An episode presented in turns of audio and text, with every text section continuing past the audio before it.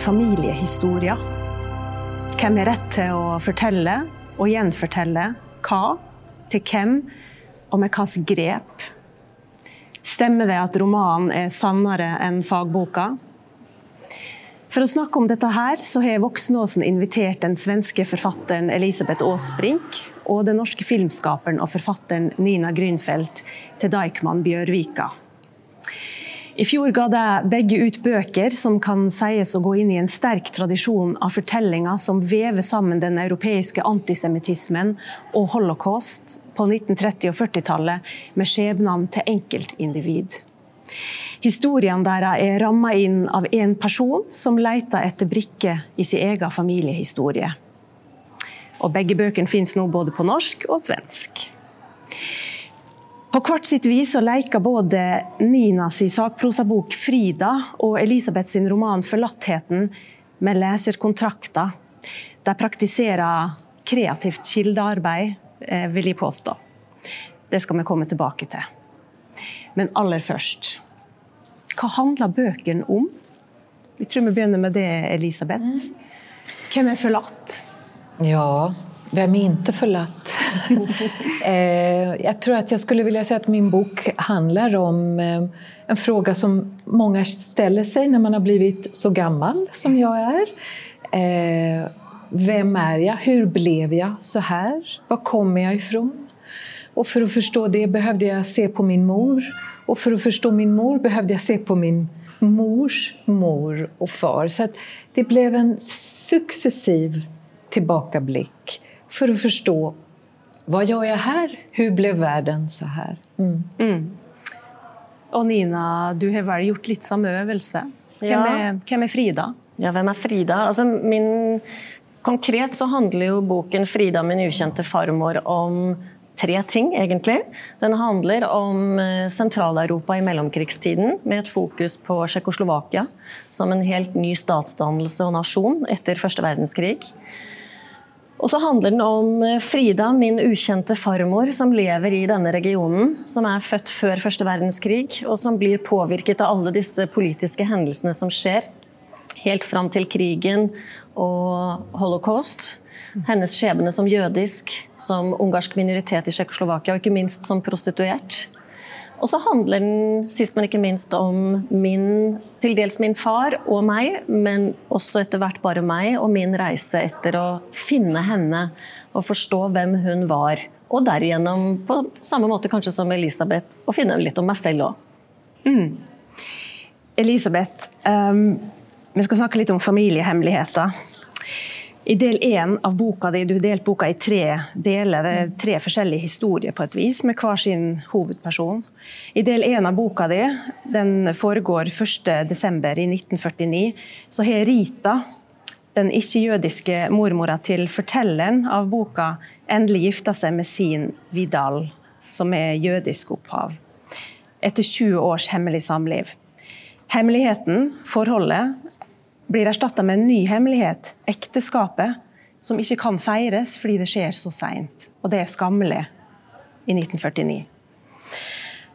I del to, 24.3.1976, så er Sally, fortellerens mor, som nå er 11, forlatt av sin mann. Sally er dattera til Rita. Dermed tvinges dattera K, Katrin, fortelleren, til å håndtere moras svartsinn og traume alene, og hun er virkelig alene. K redda mer eller mindre livet til mora si, får vi inntrykk av. Bl.a. ved å ikke nevne orda far eller jøde. Ord må hun passe seg veldig for. I tredje og siste del, som foregår 29.4.2019, er fortelleren i morfarens gresk-tyrkiske fødeby Tessaloniki, der jødenes historie nå nærmest er helt utrydda. Kan du fortelle litt om hva generasjoner med taushet og ensomhet har gjort med Katrin, som är da den ja, yngste? Det är ju det hela boken försöker förtälla såklart, eller berätta om. Men jag hade också såklart fler anledningar till att skriva den här boken och att göra tre delar. Eh, en, en anledning var att jag ville berätta om min mormor, min arga, starka, sköra mormor som levde i London och som föddes i Londons slum och som också var dotter till immigranter. Och jag ville ge henne en sorts hommage. Eh, och jag hade hittat dokument eh, som avslöjade den här hemligheten. Ingen av oss hade vetat att de, hon och Vidal Coenca hade då aldrig gift sig. Eh, utan hon hade låtsats vara gift och låtsats heta Coenca, men hon var aldrig gift förrän efter 20 år. Så det här var, en, det var något jag ville också ge henne... Jag försökte förstå henne och jag ville hylla henne. Men naturligtvis fick hemligheten en, en stor inverkan på hennes liv.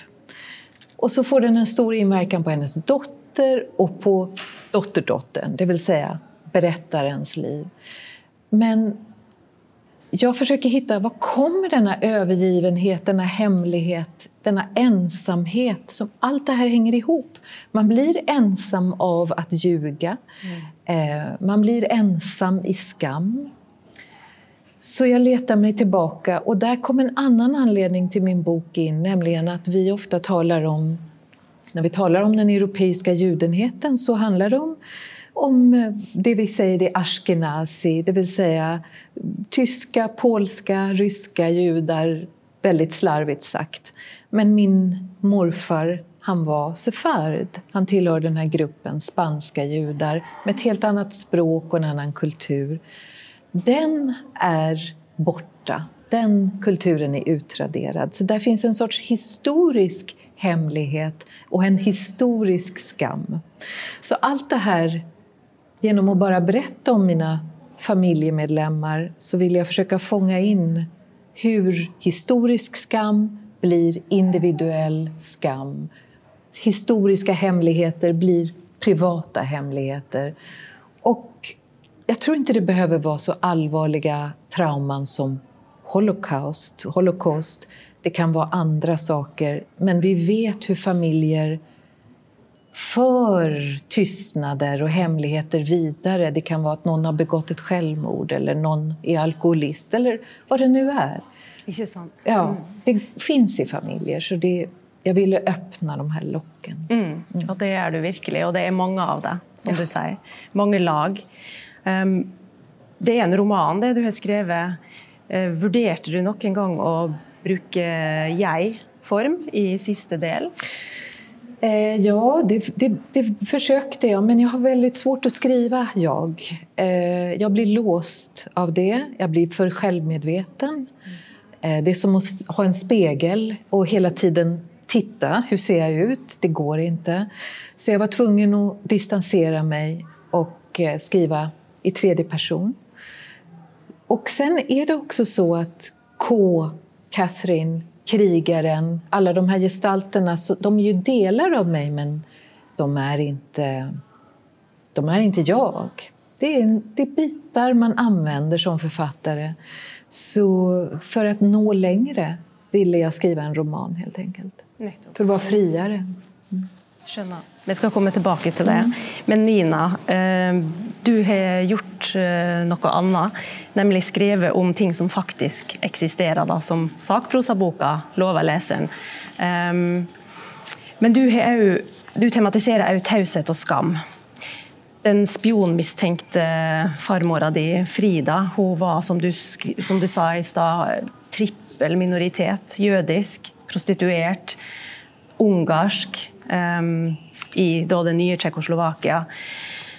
Alltid i politiets søkelys, og hun fikk etter hvert god fartstid, ydmykelse og fornedring. Etter hvert fikk hun en sønn, din far, som hun, måtte gi, eller som hun ga fra seg. Et arbeidsuhell, skriver du. Far din Berthold han var unnvikende og plaga av spørsmålene dine om hun når du var lita og ville vite.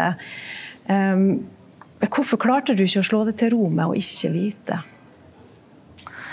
Nei, det var nok en opplevelse av at det lå en hemmelighet der. Eh, og den har vært eh, veldig tydelig i hele min oppvekst. Jeg tror at de første minner jeg har der jeg stiller spørsmål til min far om hans totalt fraværende familie, så kan jeg ikke ha vært veldig mye mer enn fem-seks år. Jeg tror det må ha vært før jeg begynte på skolen. Kanskje i sammenheng med at jeg opplevde at andre mennesker hadde eh, slekt, både på mor og fars side. Hos oss var det bare på morssiden. Eh, og at jeg nok fra første stund fornemmet at her var det noe som var vondt å snakke om. Jeg tror nok på mange måter at mitt bokprosjekt er et helingsprosjekt. Eh, det er et prosjekt hvor jeg forsøker å vekke min farmor til live. Eh, og gjøre hennes liv berettiget, for det var også et liv. Hun var også et menneske. Eh, selv om hennes livsform av mange i datiden ble foraktet, og kanskje også blir det den dag i dag. Og som jeg tror min far på mange måter hadde veldig store problemer med å forsone seg med. Fordi han hadde en hunch. Han hadde jo noen minner av henne før han reiste fra Tsjekkoslovakia i 1939 som flyktning og kom til Norge. Eh, og alle disse tingene fornemmet jeg. Eh, Og siden da har jeg egentlig alltid vært på leting. Første gangen jeg reiste til Tsjekkoslovakia var mens vi fremdeles hadde jernteppe, eh, før kommunismens fall. Eh, da var det ikke lett å finne noen ting. Eh, selv om jeg også da oppsøkte arkiver og institusjoner. Og så fortsatte det igjen 20 år senere. Så i dag er jeg 55 år. Jeg har egentlig holdt på med dette i 50 år. uh, og ja, så uh, Det har vært en lang prosess. En lang prosess. Og du, den skammen som vi snakka om som far din ikke ville åpne, da, den, den forholder ikke du det til på samme måte. Du har vært usikker på om du skulle utlevere henne, eller om du skulle la henne hvile i fred, skriver du i boka. Men, um, men du ender opp med å kalle henne og fortellinga om henne og hennes eksistens for et privilegium. Mm. Um, Fortell litt om det. Nei, jeg tror nok det har å gjøre med at altså Jeg kommer jo fra filmbransjen. Mm. Um, så min skolering er jo ganske sånn tradisjonelt dramaturgisk eh, opplært. Eh, og det er jo ingenting vi heller ønsker enn en historie med et stort dramatisk potensial.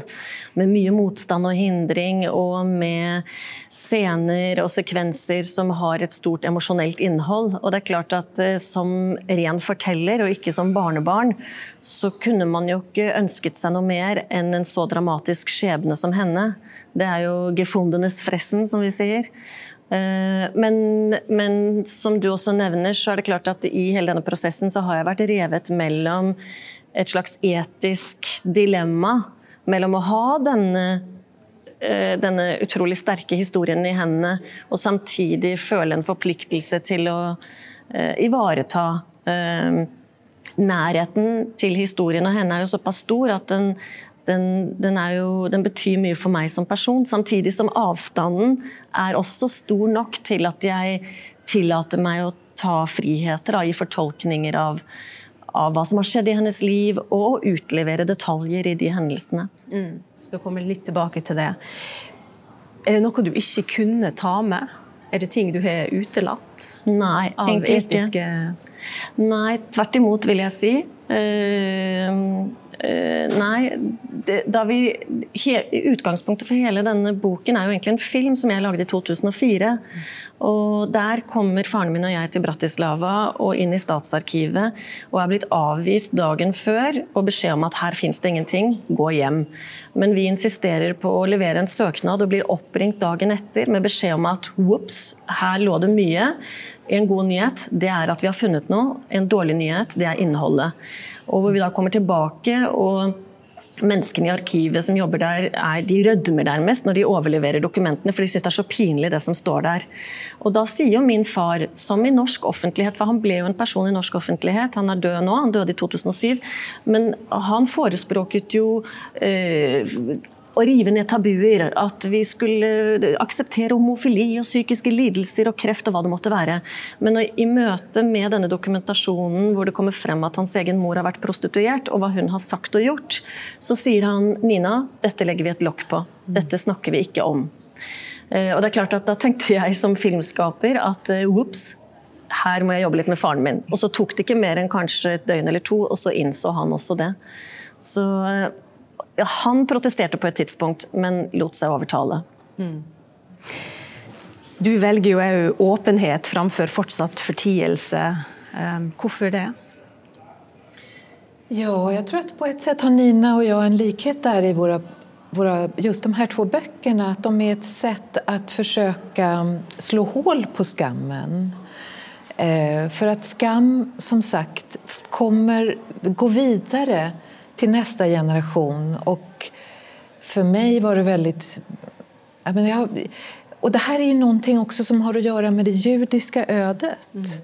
Att det finns en sorts offrets skam. Precis som man ibland kan möta barn som blir mobbade i skolan som aldrig berättar något för att de skäms över sin utsatthet. Och det här tycker jag att jag har sett en del i det judiska ödet och jag har också tänkt mycket på det här med vrede och historien. För att just nu i vår samtid så finns det väldigt starka krafter som drivs av vrede. Vi har till exempel Black Lives Matter, vi har metoo. Vrede är en stark... Den kan vara destruktiv, men den kan också vara väldigt konstruktiv. Mm. Och när det gäller det judiska ödet i Europa så finns det väldigt många känslor som är tillåtna och accepterade. Vi har vördnad, vi har sorg, vi har respekt, vi har en känsla av minne, men vi har inte vrede, tycker jag. Jag saknar just den känslan. Varför är vi inte rasande? Vad skulle hända om vi blir rasande? Och jag tror att det är det första steget för att komma vidare. Det här är ett trauma. Det är, för många kanske det känns som länge sen, men det är, min, det är ett människoliv sen. Det, är inte, vi, det finns människor här och nu som fortfarande var med om Förintelsen. Det är inte länge sen. Mm. Men jag tror att vreden är viktig. Jag ville in med vreden. Och vreden tror jag också är ett sätt i den här boken för krigaren, för Catherine, att sätta punkt för skammen. Först att sätta ord på den och sen avsluta den. Mm. Mm. Jag tror det, kan jag få bara kommentera på det? Jag du har så väldigt rätt. Och jag, tänker att, och jag skriver också om min fars reaktioner i boken och min mor som är ett väldigt klokt människa. Hon har alltid sagt om min far att gudskelov så hade han aggression och sinne mm. snarare än självmedlidenhet och depression. Man, han kunde ju lätt ha blivit ett djupt deprimerat och traumatiserat och skadat människa. Traumatiserad var han, ja, men aggressionen var nog på många sätt starkare och gav han den livskraften som trängtes för att gå vidare. Mm. Mm. Hur stort är raseriet som drivkraft för dere och projektet? För mig är det mycket stort. Mm. Och det var också dags att sätta ord på det och formulera det. Och eh, jag tror att eh, jag tror att jag blev... Ja, alltså för att det finns... Det är så märkligt just när man tittar på den judiska historien hur vi har ägnat mycket arbete och tid åt minne och åt att utforska vad hände. Men sen, sen är det som att... Ja, sen blir det till sorg eller skuld eller skam. Men men det är ju något oerhört som våra föräldrar har överlevt och våra farföräldrar och morföräldrar inte har överlevt. Mm. Eh, det, det finns ju en energi i aggression. Och en ting är ju att ha aggression. Temperament är kanske något annat. Jag vet att jag är temperamentsfull. Mm. Jag vet inte om det också går i tråd med aggression, men jag tänker att det har varit också en drivkraft till att jag har hållit ut i 50 år mm. med detta projektet egentligen. Mm. Men det är ju en kostnad och Elisabeth, på ett tidspunkt så skriver du att du måste välja om du skulle vara en god dotter eller en god författare. Hur var processen fram till svaret? Hur förhandlade du? Ja, jag tycker det har varit förfärligt. Det har varit hemskt. Mm. Jag, eh, jag visste att min mor inte ville att jag skulle skriva denna bok. Eh, hon ville inte att jag skulle skriva hon ville berätta en del av familjehistorien men inte andra delar. Hon ville absolut inte att jag skulle skriva om henne eller om mig. Och eh, det här har varit, det har varit ett problem under en lång tid men jag bestämde mig att jag kan inte... Antingen ska jag ta hänsyn till detta och inte skriva boken eller så skriver jag boken och kan inte ta hänsyn till min mor. Det fanns ingen kompromiss. Antingen en god dotter eller en god författare. Det fanns ingenting däremellan och då valde jag att vara författare. Men jag tycker konsekvenserna har varit svåra tidvis har vi haft stora problem. Också, jag har också haft stora problem med min syster, som, eller en halvsyster som... Eh, eh nej, jag tycker det har varit ett högt pris för detta. Mm. Eh, och till det här så kommer en sorts generell fråga. Är det rätt att skriva... Alltså jag har alltid känt ett förakt för de som har skrivit om sina föräldrar när föräldrarna har dött. För att jag har tänkt att ja, men föräldrarna kan inte försvara sig. Plötsligt kan man skriva om sin barndom och de har inte ett ord att säga. Men nu undrar jag om inte jag har valt den mest föraktliga vägen. För jag har valt att skriva om min barndom. Min, min mor lever och erfar smärtan av denna berättelse. Men hon kan ju inte försvara sig. Hon kan inte skriva en bok. Hon kan inte gå ut i tidningen.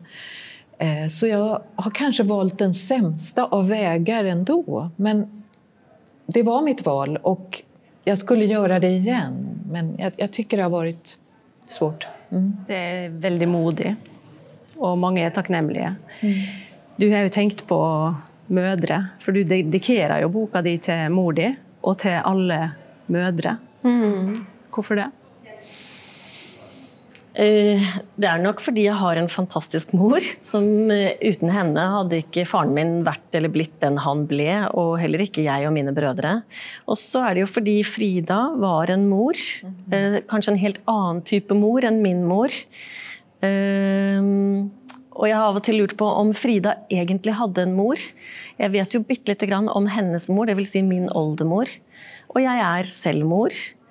Ehm, så för mig, jag har skrivit, Mest har jag lagat film, men jag har skrivit en bok tidigare som också handlat om min fars historia. Jag har ju balat mycket med nettopp eh, Egentlig i utgangspunktet om min far, men inte för att han är min far, men att det har med min judiska identitet att göra. Eh, och det har såklart med holocaust att göra. Men, ehm, men nå syns jag det var tid att hedra, på tid att hedra min mor. Och då, i och med att Frida var en mor, så var det min mor som skulle tackas. Mm. Um, det at dere insisterer på å se bakover og fortelle om det, altså minnes det passerte, um, ehm, mens forfedrene og mødrene dere kanskje helst vil glemme og fortie. Um, ehm, det som ligger bak det, det minner meg om um, den kanadisk-jødiske forfatteren, forfatteren Sheila Hete. Jeg vet ikke om dere kjenner henne. Og hun velger egentlig det motsatte i en bok hun kom med i 2018, 'Motherhood'. Eh, for hun er da i en prosess der hun vurderer om hun skal bli mor eller ikke. Hun har et dårlig forhold til sin egen eh, mor. Eh, Bestemora var jødisk innvandrer til Canada. Og hun konkluderer, eller hun spør til slutt i boka hva er galt i å ville leve livet ditt for ei mor i stedet for en sønn eller en datter. Så hun snur seg til mor si i stedet for framover. Da. Og sier at kunst er en tilbakeskuende evighet lagd for formødren, mens barn er den framoverskuende evigheten. Og hun velger altså mora og kunsten. Dere er jo både mødre og forfattere, eh, og har sånn sett valgt begge deler. Altså helbredelse, som du snakka om, både framover og bakover i, i tid. Um, men hvor viktig kan dette her være for andre enn dere sjøl, tenker dere? Hva sier publikum? Hva sier publikum? Har dere hva er responsen? Ja, altså jeg skriver jo fordi jeg vil bli lest. Mm. Og jeg skriver jo fordi jeg mener at uh, Fridas skjebne har relevans. Uh, jeg skriver fordi uh, Selvfølgelig vil jeg gjerne at min, min, datter og mine brødres barn skal kjenne sin historie, men det, det, er nok ikke det primære for meg. Jeg skriver fordi jeg har en historie som jeg gjerne vil formidle. Uh, og jeg skriver nok, som jeg kanskje egentlig allerede har sagt, kanskje aller mest fordi eh, jeg vil gi Frida den plassen i tilværelsen. Hun, vil, hun, gikk under radaren for alt og alle, som så mange andre. Mm. Eh, men hennes, eh, hennes, historie er berettiget å formidle. Um, og da har den, den, har ligget der som Nå er dette en sakprosa, men for meg er det på mange måter også et slags episk verk. Kanskje fordi den er en, en episk dimensjon. Den har en episk dimensjon i mitt liv. Uh, og da, da, måtte den fram og ut. Er representasjon for uh, ensidig? Av hva, tenker du? Av uh, jødiske liv? i vår litteratur. I vår litteratur, ja. ja. Mm. Oi, det er vanskelig spørsmål, fordi den er jo ganske stor. Vi har jo en stor presentasjon av både holocaust og jødisk liv. Og, altså, jødisk kultur er jo stor, og den er i stor grad skriftlig, og den er i stor grad kunstnerisk. Ehm, um, jeg vet ikke om det finnes noe entydig svar på det, men jeg tror mitt spontane svar vil være nei. Mm. Eh, men det er klart at kvinneskjebner som Frida Jeg synes det er interessant vår erfaring vi hadde når vi kom ut av Statsarkivet i Bratislava i 2004.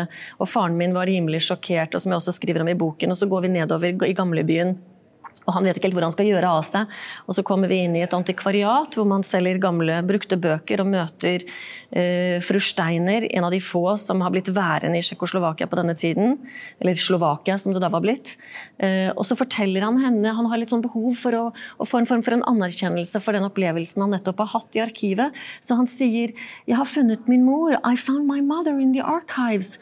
Og hun blir 'Oh, that's interesting'. Det syns hun var veldig interessant. Og så sier han men hun var prostituert. Hva skal jeg gjøre med det, liksom? Og så sier hun nei, nei, nei, nei, du må ikke tro på de i arkivene. De har tatt feil, for det var ingen prostituerte jødiske kvinner.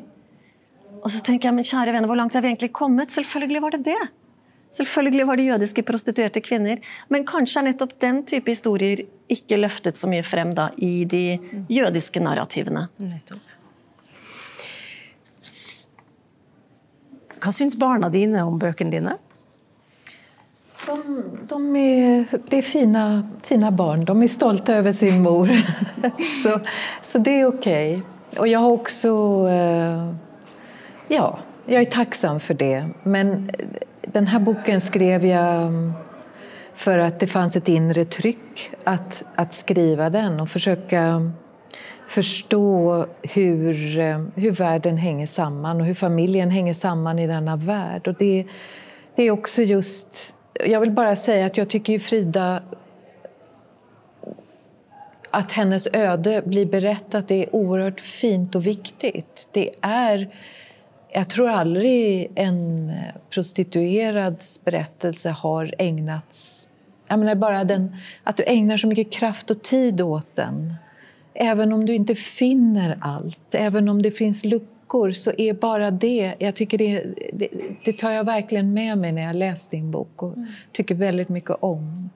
Och det är inte en vanlig berättelse, tycker jag, i förintelselitteraturen som är vid och mångfacetterad. Men, men det, här, det här är inte berättat. Så mm. det är en, en stor en stor, en viktig sak. Och lite likartat tycker jag att det finns, men av en annan dimension, att, att berätta om det spansk-judiska ödet mm. som ju har fallit helt i glömska.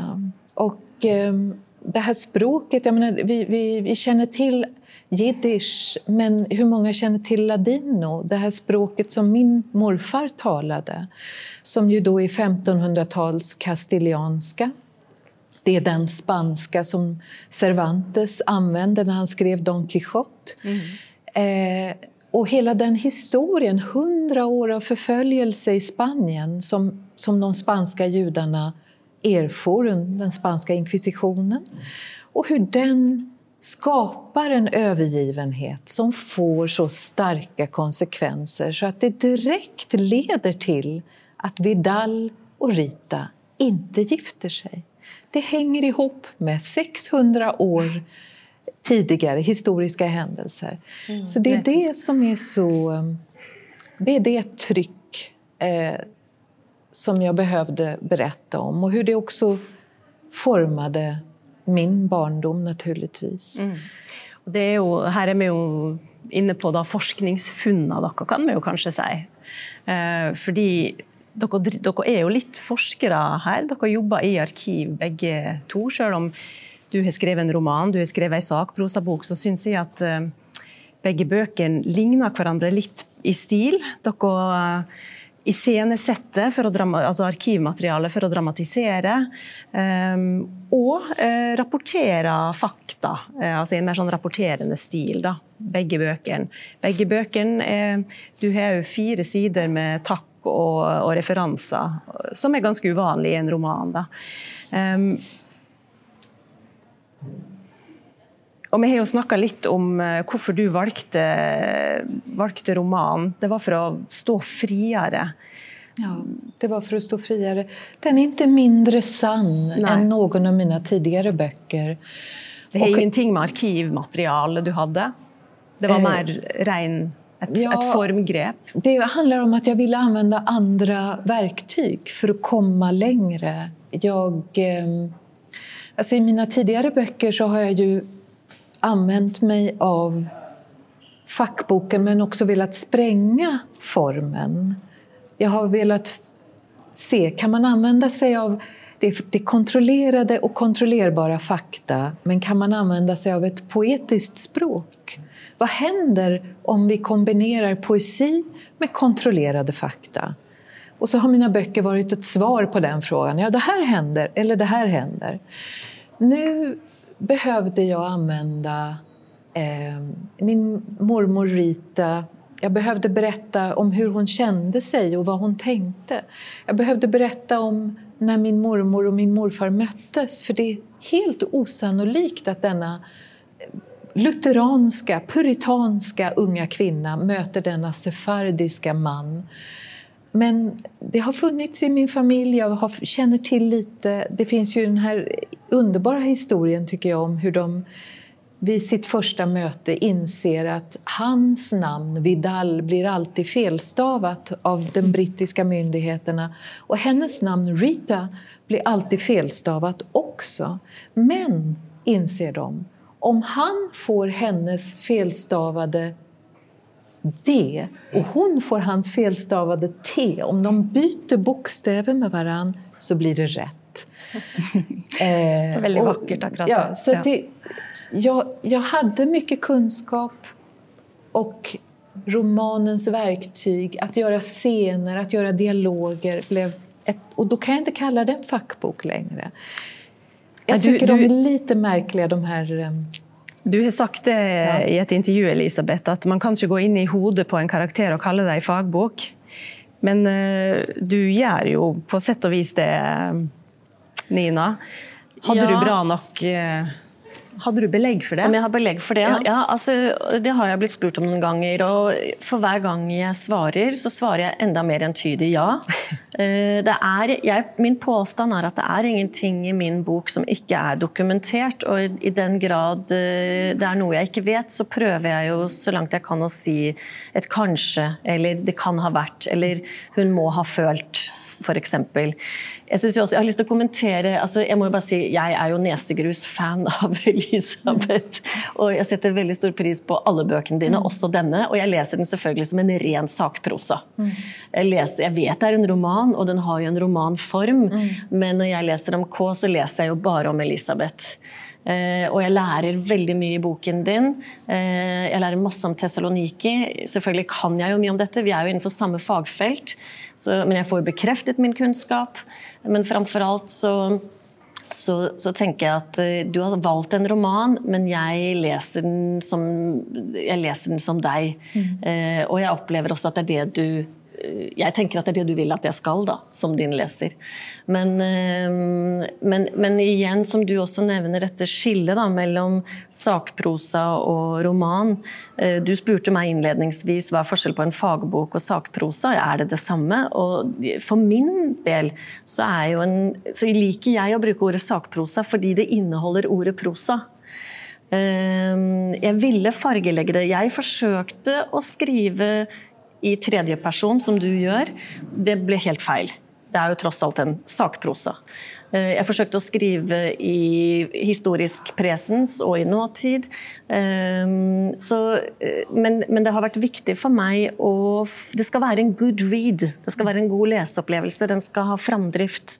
Det skal være cliffhangers. Litt tradisjonell dramaturgi i så måte. Men veldig effektiv. For det er jo som ei det er jo ei gåte. Ja, jeg, vil gjerne, til, ja. jeg vil gjerne at det skal være litt detektivhistorie. Mm. Mm. Mm. Det er det. Men Når det gjelder arkivarbeid, jeg har lyst til å liksom grave bitte litt i det før vi avslutter. Kan man, kan man ville noe for mye? Når, kan man önska sig svar för uh, hardt, Nina? Oh, you bet, yes.